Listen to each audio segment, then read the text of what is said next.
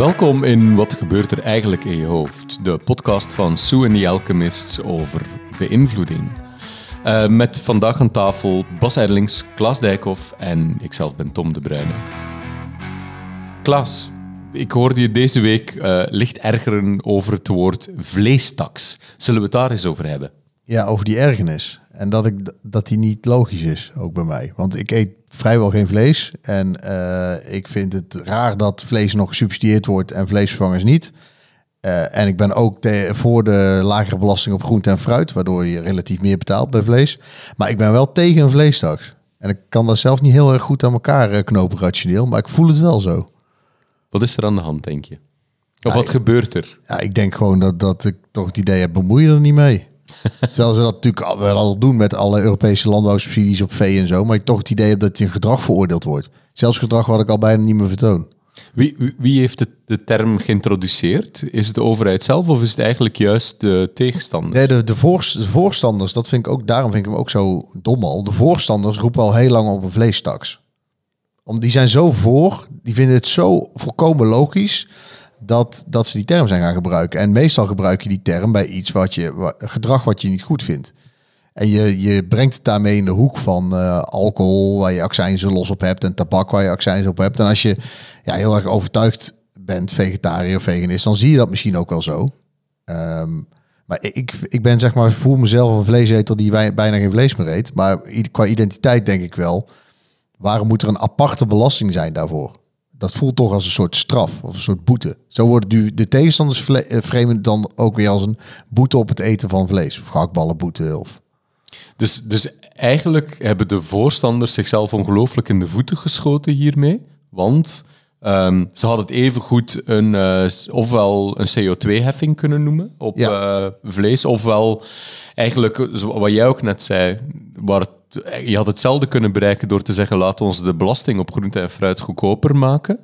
Of die vleesindustrie wordt sowieso al gigantisch gesubsidieerd. Laat ons die subsidie afbouwen. Iets Ik wat denk mensen dat de mensen die heel fanatiek tegen de vleestak zijn, ook best wel fanatiek zijn voor het verminderen van Europese landbouwsubsidies en het rondpompen van geld. Ja. Denk ik wel.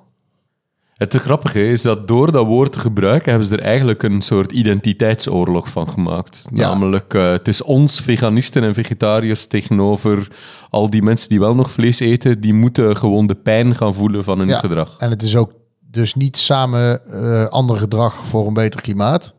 En eigenlijk bij voorbaat al denken, ja, als je vlees eet, ja, dan, dan is het hopeloos. Die gaan toch niet veranderen. Dus dan moeten we ze maar zo zwaar belasten dat je spontaan een sojaburger te eten. Dat gaat natuurlijk ook weer niet gebeuren. Het is ook nog eens ineffectief. Doel, als, als vlees duurder wordt, ga je voorheen goedkoper vlees kopen misschien. Maar je gaat denk ik niet in één keer overstappen. Even te denken aan nieuwe woorden. We zouden het eigenlijk een, meer een soort positief moeten framen, is dat we een proteïneprikkel geven. Een proteïneprikkel.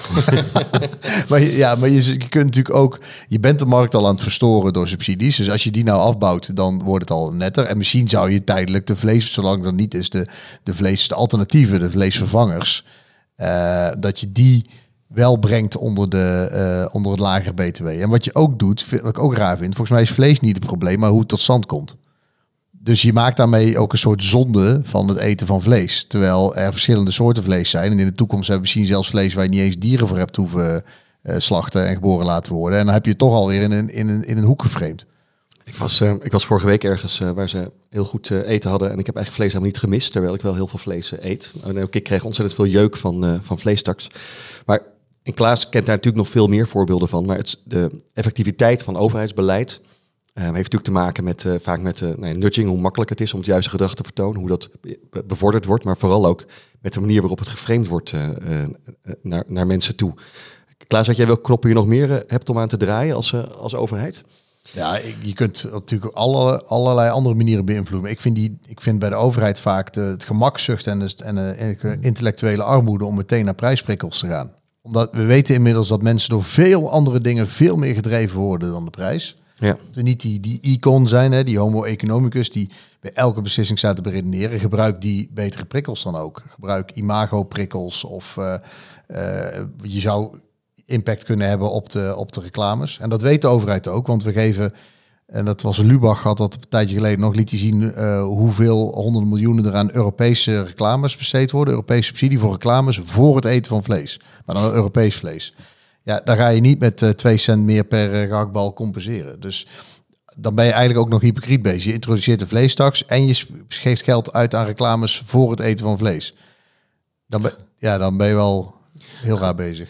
Dus zo eentje waar dat we het ooit eens eerder over, uh, in lijn met iets wat we het ooit eens eerder over gehad hebben, namelijk dat zo'n woord heel goed voelt voor je achterban, je eigen achterban, waar dat de eigen achterban dan op de bank gaat staan van ja, ja, vleestaks, maar waarmee je dan eigenlijk gewoon al, al iedereen die ofwel neutraal is ofwel tegenstander is, meteen de loop, loopgraven in uh, duwt omdat je, omdat je natuurlijk keihard uh, de, de aanval opent en de ander eigenlijk demoniseert met het woord vleestaks.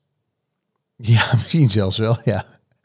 ja. Ik denk dat wel. Ik, ik, eet vlees, maar ik geloof ook dat over een generatie dat niet meer zo zal zijn of zo. Er wordt natuurlijk zoveel bekend over. We hebben het ook niet meer nodig, de voedingsstoffen die erin zitten. Het is een beetje, heeft zijn functie een beetje gehad, zeg maar. Behalve dat we het gewoon nog lekker vinden en, en het gemakkelijk is. Maar dit soort woorden vleestaks en het gevoel dat je gestraft wordt als je het wel gewoon iets doet waar je mee bent opgevoed en wat als iets heel normaals uh, voelt, uh, zal, zal zeker niet helpen, zal eerder tegenwerken. Dat is wel fascinerend. We hebben het er vaak over dat het rationeel en feitelijk juist is. Dat het niet vanzelf ook in ons onbewuste opgepikt gaat worden en dat we naar gedragen. Maar hier zie je eigenlijk zo dat uh, wat rationeel verstandig is en eigenlijk een soort onvermijdelijk en de natuurlijke loop der dingen. Dat je over één generatie veel minder vlees eet en het vlees wat je eet, dat dat waarschijnlijk niet eens van, van bio-industrie of slacht komt. Hè, dat, het, uh, dat, dat, dat het celmatig uh, komt uit het lab. Um, misschien ook niet het beste frame uit het lab, maar goed, kom nog. Maar dat hier daar, daardoor de emotie, door het onbewust, gewoon fanatiek tegengewerkt wordt door degene die, die daar eigenlijk voor zijn. En daarmee ook een soort strijdpunt maken in de samenleving. Als je vlees eet, dan hoor je bij een bepaald no-nonsense kamp. En ik ben wel een beetje klaar met dat, dat uh, oh, ze pakken ons alles af, we mogen helemaal niks meer. Want volgens mij is er in Nederland nog helemaal niks verboden in die hoek. Maar goed, uh, en dat je, dat je door de identiteitsstrijd die je ervan maakt, het juist moeilijker maakt voor mensen om het gedrag te vertonen wat je eigenlijk wil. Dat is toch wel fascinerend knap. Ik was van het weekend trouwens bij uh, in, ja, Thomas Jaloers, want die wilde zo graag heen. Oh. Ik was in Efteling. en daar uh, had ik... Uh, Tom kruipt nu onder de tafel. Ja, ik had zelf geen kindermenu, maar de kinderen wel. En daar zitten dus standaard vega frikandelletjes bij. Ja, de vrouw de default aanpassen. Ja, ik, ik, ik, ik, ben, ik moet nog kijken of daar de eerste stampvoetende ouder gaat staan die gaat zeggen, maar ik eis dat mijn kinderen... Ik eis varkensoor. ja, precies. dus ik denk, ja, dat, dat werkt dan toch prima. En dan eet je daar een keer, hebben ze gelegenheid. En daarna denk je, ja, waarom ik eigenlijk niet? Dus dat, dat soort dingen maken het nou eens gewoon normaal. In plaats van dat er een strijd van, uh, van loopt te maken. Dat je een beetje, als er ergens in, in, als je in een gezelschap van mensen stoer kunt zijn door ostentatief vlees te bestellen en te eten, dan is er toch iets mis ja. in het land. En dat werk je dus in de hand met zo'n vleestak. Sowieso moet de Kamer zich uitspreken, natuurlijk in grote getalen tegen. Dus de kans dat die er komt is nu nog kleiner dan voor het uh, verhaal. En dan, zeg, dan is het klassieke reflex ook van de overheid, nee, maar het was maar alleen maar een onderzoek. Wie kan er nou tegen een onderzoek zijn? Terwijl rationeel kun je dat volhouden, maar irrationeel snapt iedereen dat je niks gaat onderzoeken als je niet van tevoren al naar een kant op wil. Dus een onderzoek is een soort, dat is een volgend stapje, is een kleine ja. Dat is ook op zich een slimme tactiek als je het goed aanpakt. Maar joh, ik vraag niet of je ervoor wil stemmen. Laten we het gaan onderzoeken. Ja, ja. ja oké, okay, onderzoeken kan dan wel. Dan komt er een onderzoek en daar blijkt dan iets uit. Waarschijnlijk dat een vleestaks leidt tot minder consumptie, want dat, dat weet je niet. Maar uh, ja, dat is wel logisch. Dus uh, met alle mits en maren. En dan, is het, dan, dan trek je iemand langzaam het vuikje in. Dat voelen mensen. En daarom zijn ze ook zo fanatiek tegen onderzoek gaat het Algemeen Dagblad de voorpagina besteden aan een nou, matig gefotoshopte gehaktbal die aan het huilen is. maar dat geeft toch wel aan dat je een grote krant dat doet en hoe emotioneel het is.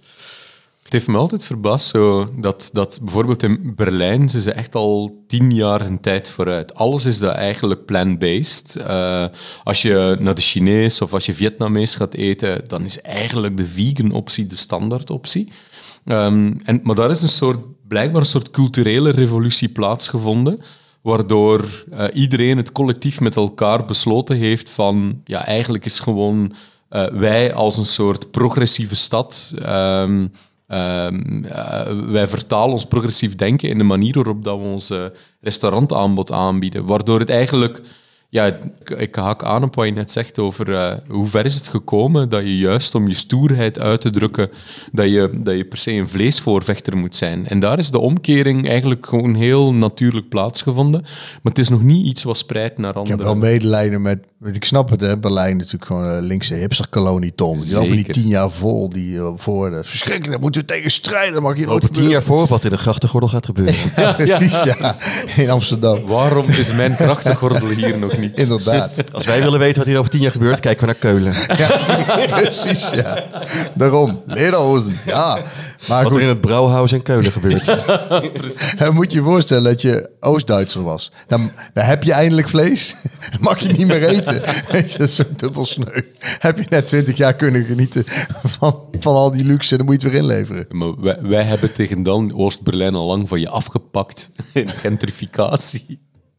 Ja, ik denk ook dat er gewoon slimmere manieren zijn om gewoon via de kinderen. Ik denk wat Bas zei klopt. Binnen één generatie is het anders.